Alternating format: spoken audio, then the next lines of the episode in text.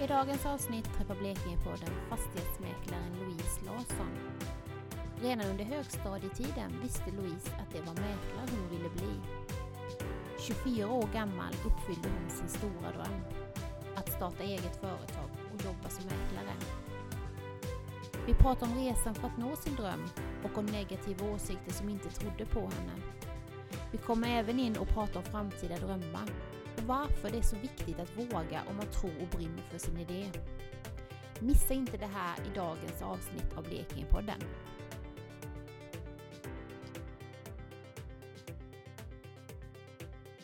Hej Louise och välkommen till Blekingepodden!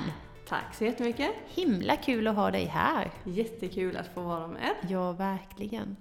Du Louise, du är ju mäklare.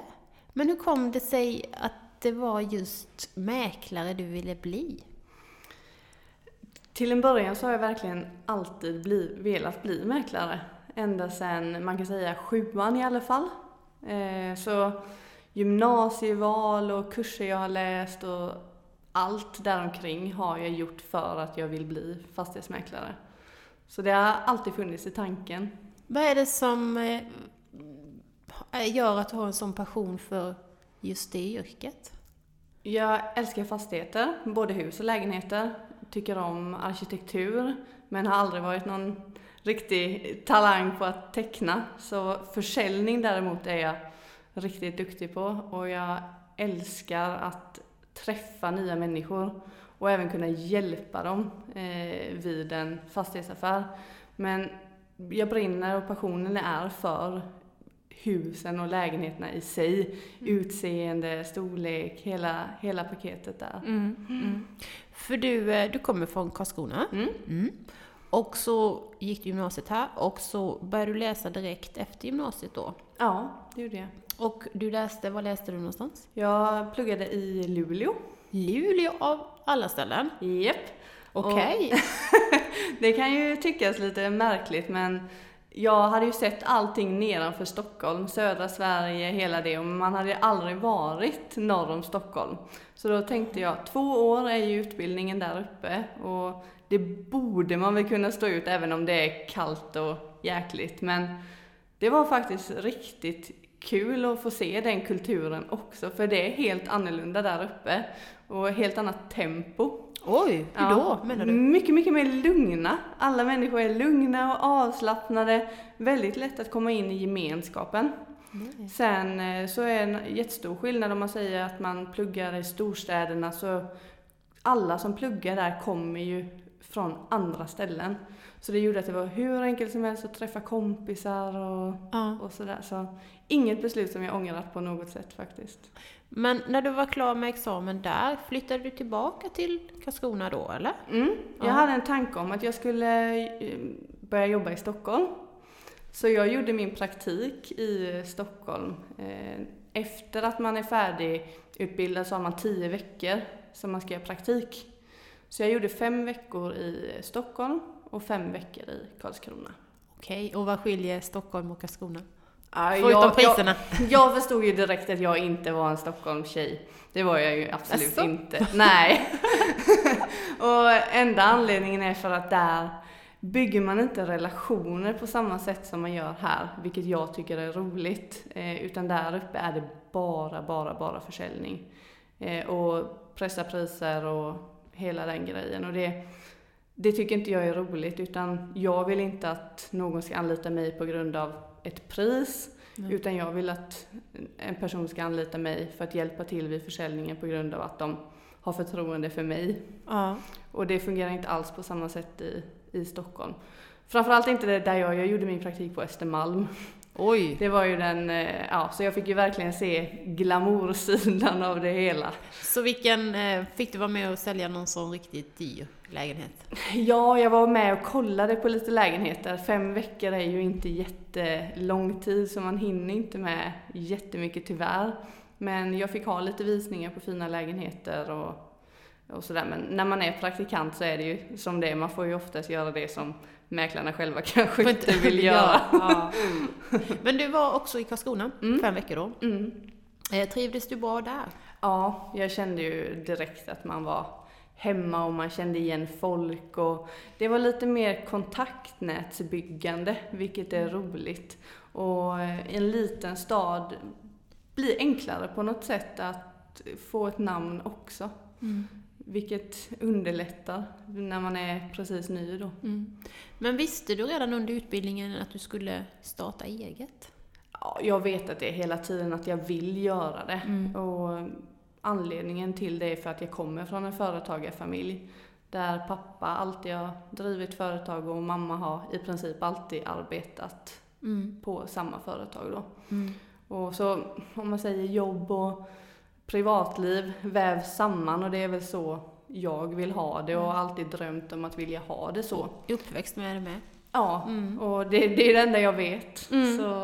Det... Men när du eh, hade gjort din praktik, då jobbade du här på mm. något företag mm. eh, ett tag mm. och sen valde du då att starta eget? Ja, jag jobbade som anställd eh, med 100% provision. Så det är ju ganska tufft mm på ett företag här i stan och därefter så tyckte jag att det var så nära att vara egen och anställd just i mäklaryrket. Mm. Så det var inte ett jättestort steg att ta i just detta yrket faktiskt. Mycket förberedelse såklart, men det är jättejättenära. Framförallt när man jobbar med försäljning med 100% provision, då är ju risken fortfarande lika hög när man är anställd som egen. Ja. Så det var inget jättesvårt steg att ta heller. Det var inte det? Nej, jag ville ha ett par år. Eh, jag jobbade ju två och ett halvt år som sagt. Eh, och jag ville ha lite erfarenhet bara så man skulle lära sig grunderna. Mm. Men sen har jag alltid haft i åtanke och alltid varit öppen med det mot mina arbetsgivare också. Eh, att jag har en tanke om att starta eget. Sen så blev väl han rätt förvånad när det gick så fort. Han trodde nog att jag skulle jobba kvar lite längre kanske. För du var igång eh Alltså ganska snabbt, alltså du fick ett namn ganska snabbt på marknaden. Mm. Vad tror du det beror på?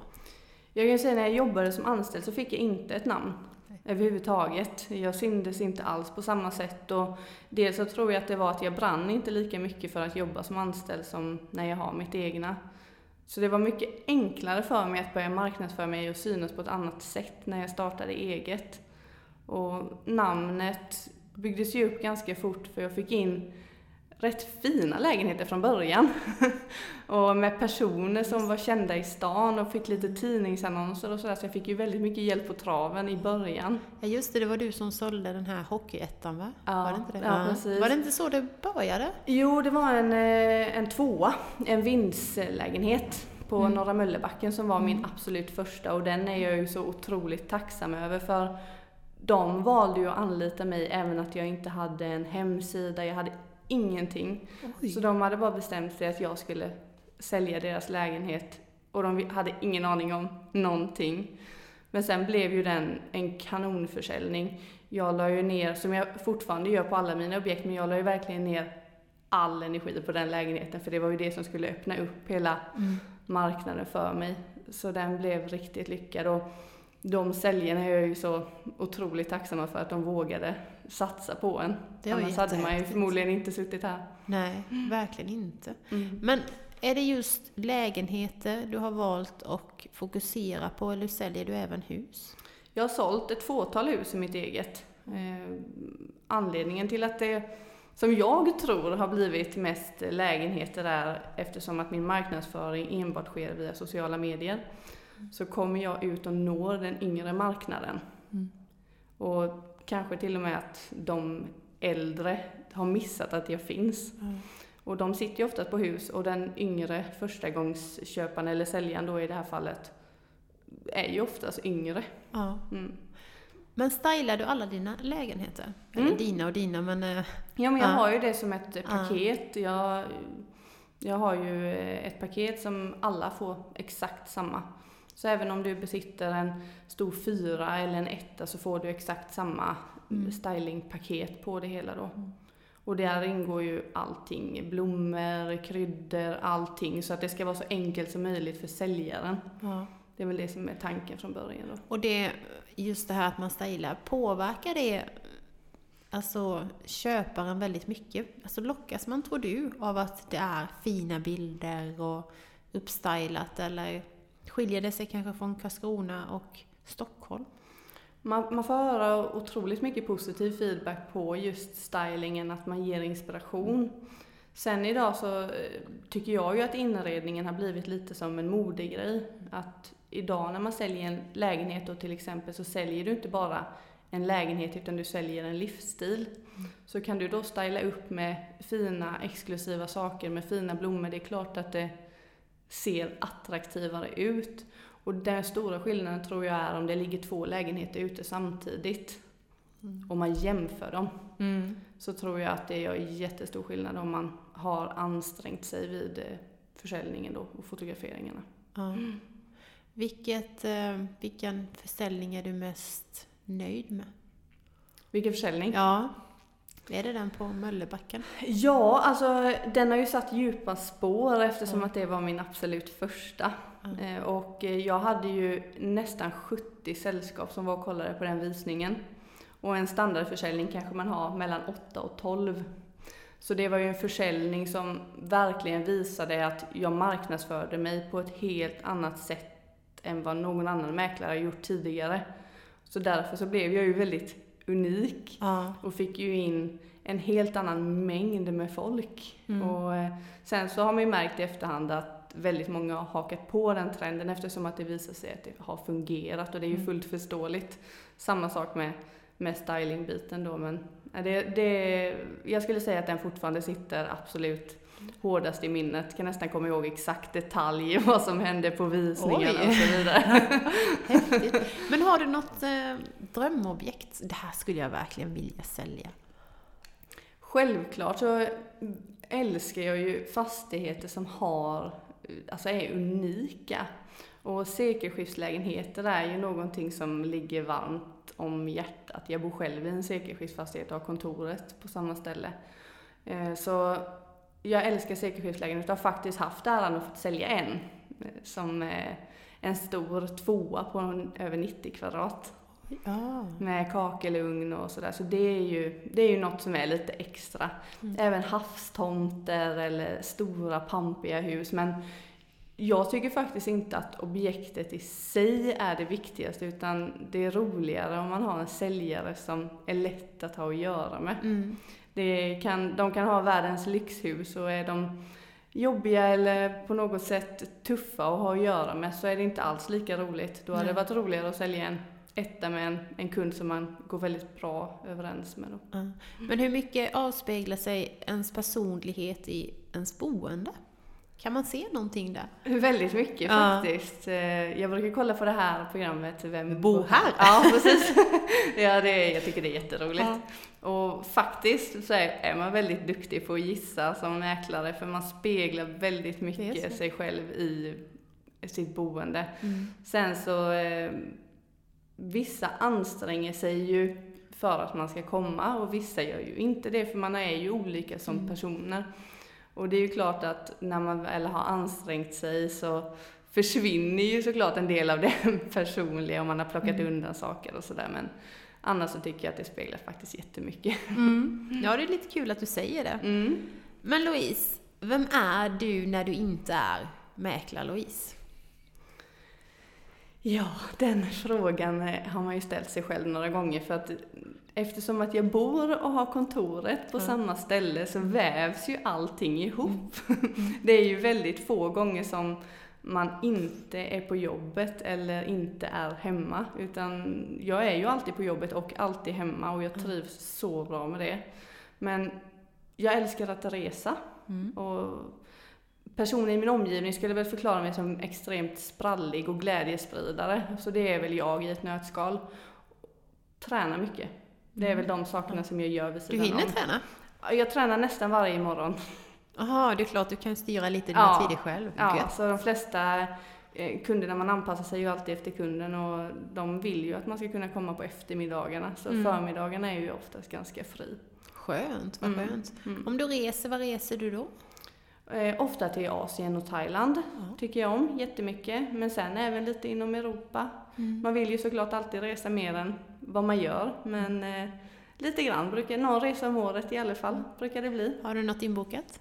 framöver? Nej, det har jag faktiskt inte. Jag funderar på att åka ner till Thailand över jul och Thailand nyår. igen. Ah, Mm. Vad är det som lockar med Thailand då? Jag gillar ju solen. Solen. Ja. Då är det tur att det är så här 24 grader Ja, varmt jag ute idag. det. Idag är det Det börjar stekväder. varmt. Ja. Ja, nej men solen är... Sen gillar jag ju stark mat. Det är så. Ja. Mm. Hur tror du andra uppfattar dig? Förutom att du är sprallig och så här. Eh, Väldigt målinriktad. Har jag bestämt mig för någonting så, så blir det så. Och kan bli väldigt eh, engagerad och sporrad av att folk tror att man inte kan. Mm. Så vill man bevisa motsatsen. Mm. Och så har det väl absolut varit när jag skulle starta upp mitt egna eh, mäkleri då. När andra konkurrenter fick reda på att man skulle starta upp så blev man väl ganska hårt informerad om att det där kommer ju inte gå, det förstår Var det du så? väl själv. Ja.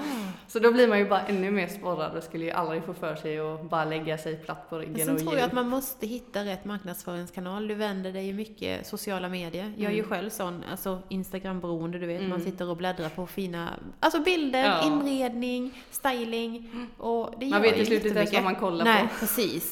Så att jag menar, du har ju verkligen hittat rätt nisch. Ja men jag tror det och vi får Ja. väldigt mycket som sagt positiv respons. Jag använder ju, Instagram är ju den kanalen som jag använder mest och ger ju lite tjuvkikar Ja. på saker i händelser och ja men det är mycket sånt som man får väldigt positiv respons på. Ja. Sen är det ju kul också när man får den här direkta responsen för det är väldigt många som väljer att faktiskt ta sig tiden och skriva till Mm. en om man frågar någonting. Mm. Vad tycker ni om det här? Vad, vad vill ni se mer av? Ja. Och det är så himla roligt att veta att folk faktiskt läser det man skriver. Ja. Och att man får Att den här är något. responsen, det blir ju någon form av relation. Ja, visst är det så. Jag tror det är jätteviktigt. Och likadant i marknadsföringssyfte, ju mer man är aktiv, ju mer syns man ju i flödet. Ja. Så att eh, absolut. Mm. Men Louise, har du några drömmar förutom sälja de coolaste objekten? Har du någon annan dröm? Mm. Det har jag. Jag är ju bara lilla jag just nu Ja. och har ju som eh, mål och ambition att växa Aha. och bli fler mäklare och jag skulle aldrig vilja sluta mäkla själv utan snarare att man anställer någon som kanske nischar sig åt någonting speciellt och att jag nischar mig åt något annat. Mm. Just nu har ju jag valt att rikta in mig på eh, centrala delen av Karlskrona och ta Mm. ingenting i utkant överhuvudtaget. Eh, och har ju bara faktiskt än så länge valt att rikta in mig på Karlskrona för att nischa in mig här. Och sen är ju tanken att när man utökar och får in eh, någon annan riktigt duktig mäklare, Mm. att man utökar och, och breddar marknaden också. Mm. Men jag har ju verkligen valt att fokusera på en liten marknad för att kunna bli stor där då. Ja. Vad skulle du ge för råd till andra i din ålder som skulle vilja starta företag? Du är ju faktiskt inte jättegammal. Vi satt och pratade om det här innan vi eh, satte på inspelningslappen. Att du, du började ju som sagt plugga precis efter gymnasiet och sen bara flöt det på. Mm. För det är inte alla som väljer och de vågar kanske inte riktigt. Nej, jag, jag skulle säga att man måste våga. Det Mm. är den största grejen. Man måste våga tro på sig själv och ta risker. Mm. Jag sa när jag startade, det värsta som kan hända är att det inte fungerar. Ja. Och då så får man ju krypa tillbaka och söka anställning någon annanstans. Men det är ju verkligen det värsta som kan hända. Mm. Eh, och det är ju i alla branscher. Vågar man inte testa då, då kan man ju aldrig vinna på det Nej. heller. Och man, men man får vara med på att det är mycket det är mycket jobb runt omkring det man gör. Mm. Det är ju mycket med det ekonomiska, det är mycket med marknadsföring. Så man kan ju inte bara jobba enbart med eh, mäkleriet i detta fallet då, eller Nej. om man har en butik eller vad det nu är man vill starta. Men den variationen älskar jag. Och älskar man variation i yrket så är ju egenföretagare det absolut bästa. Ja. Ja. Det, men, men våga, och våga tro på sig själv och ta risken. Det var bra Louise. Mm.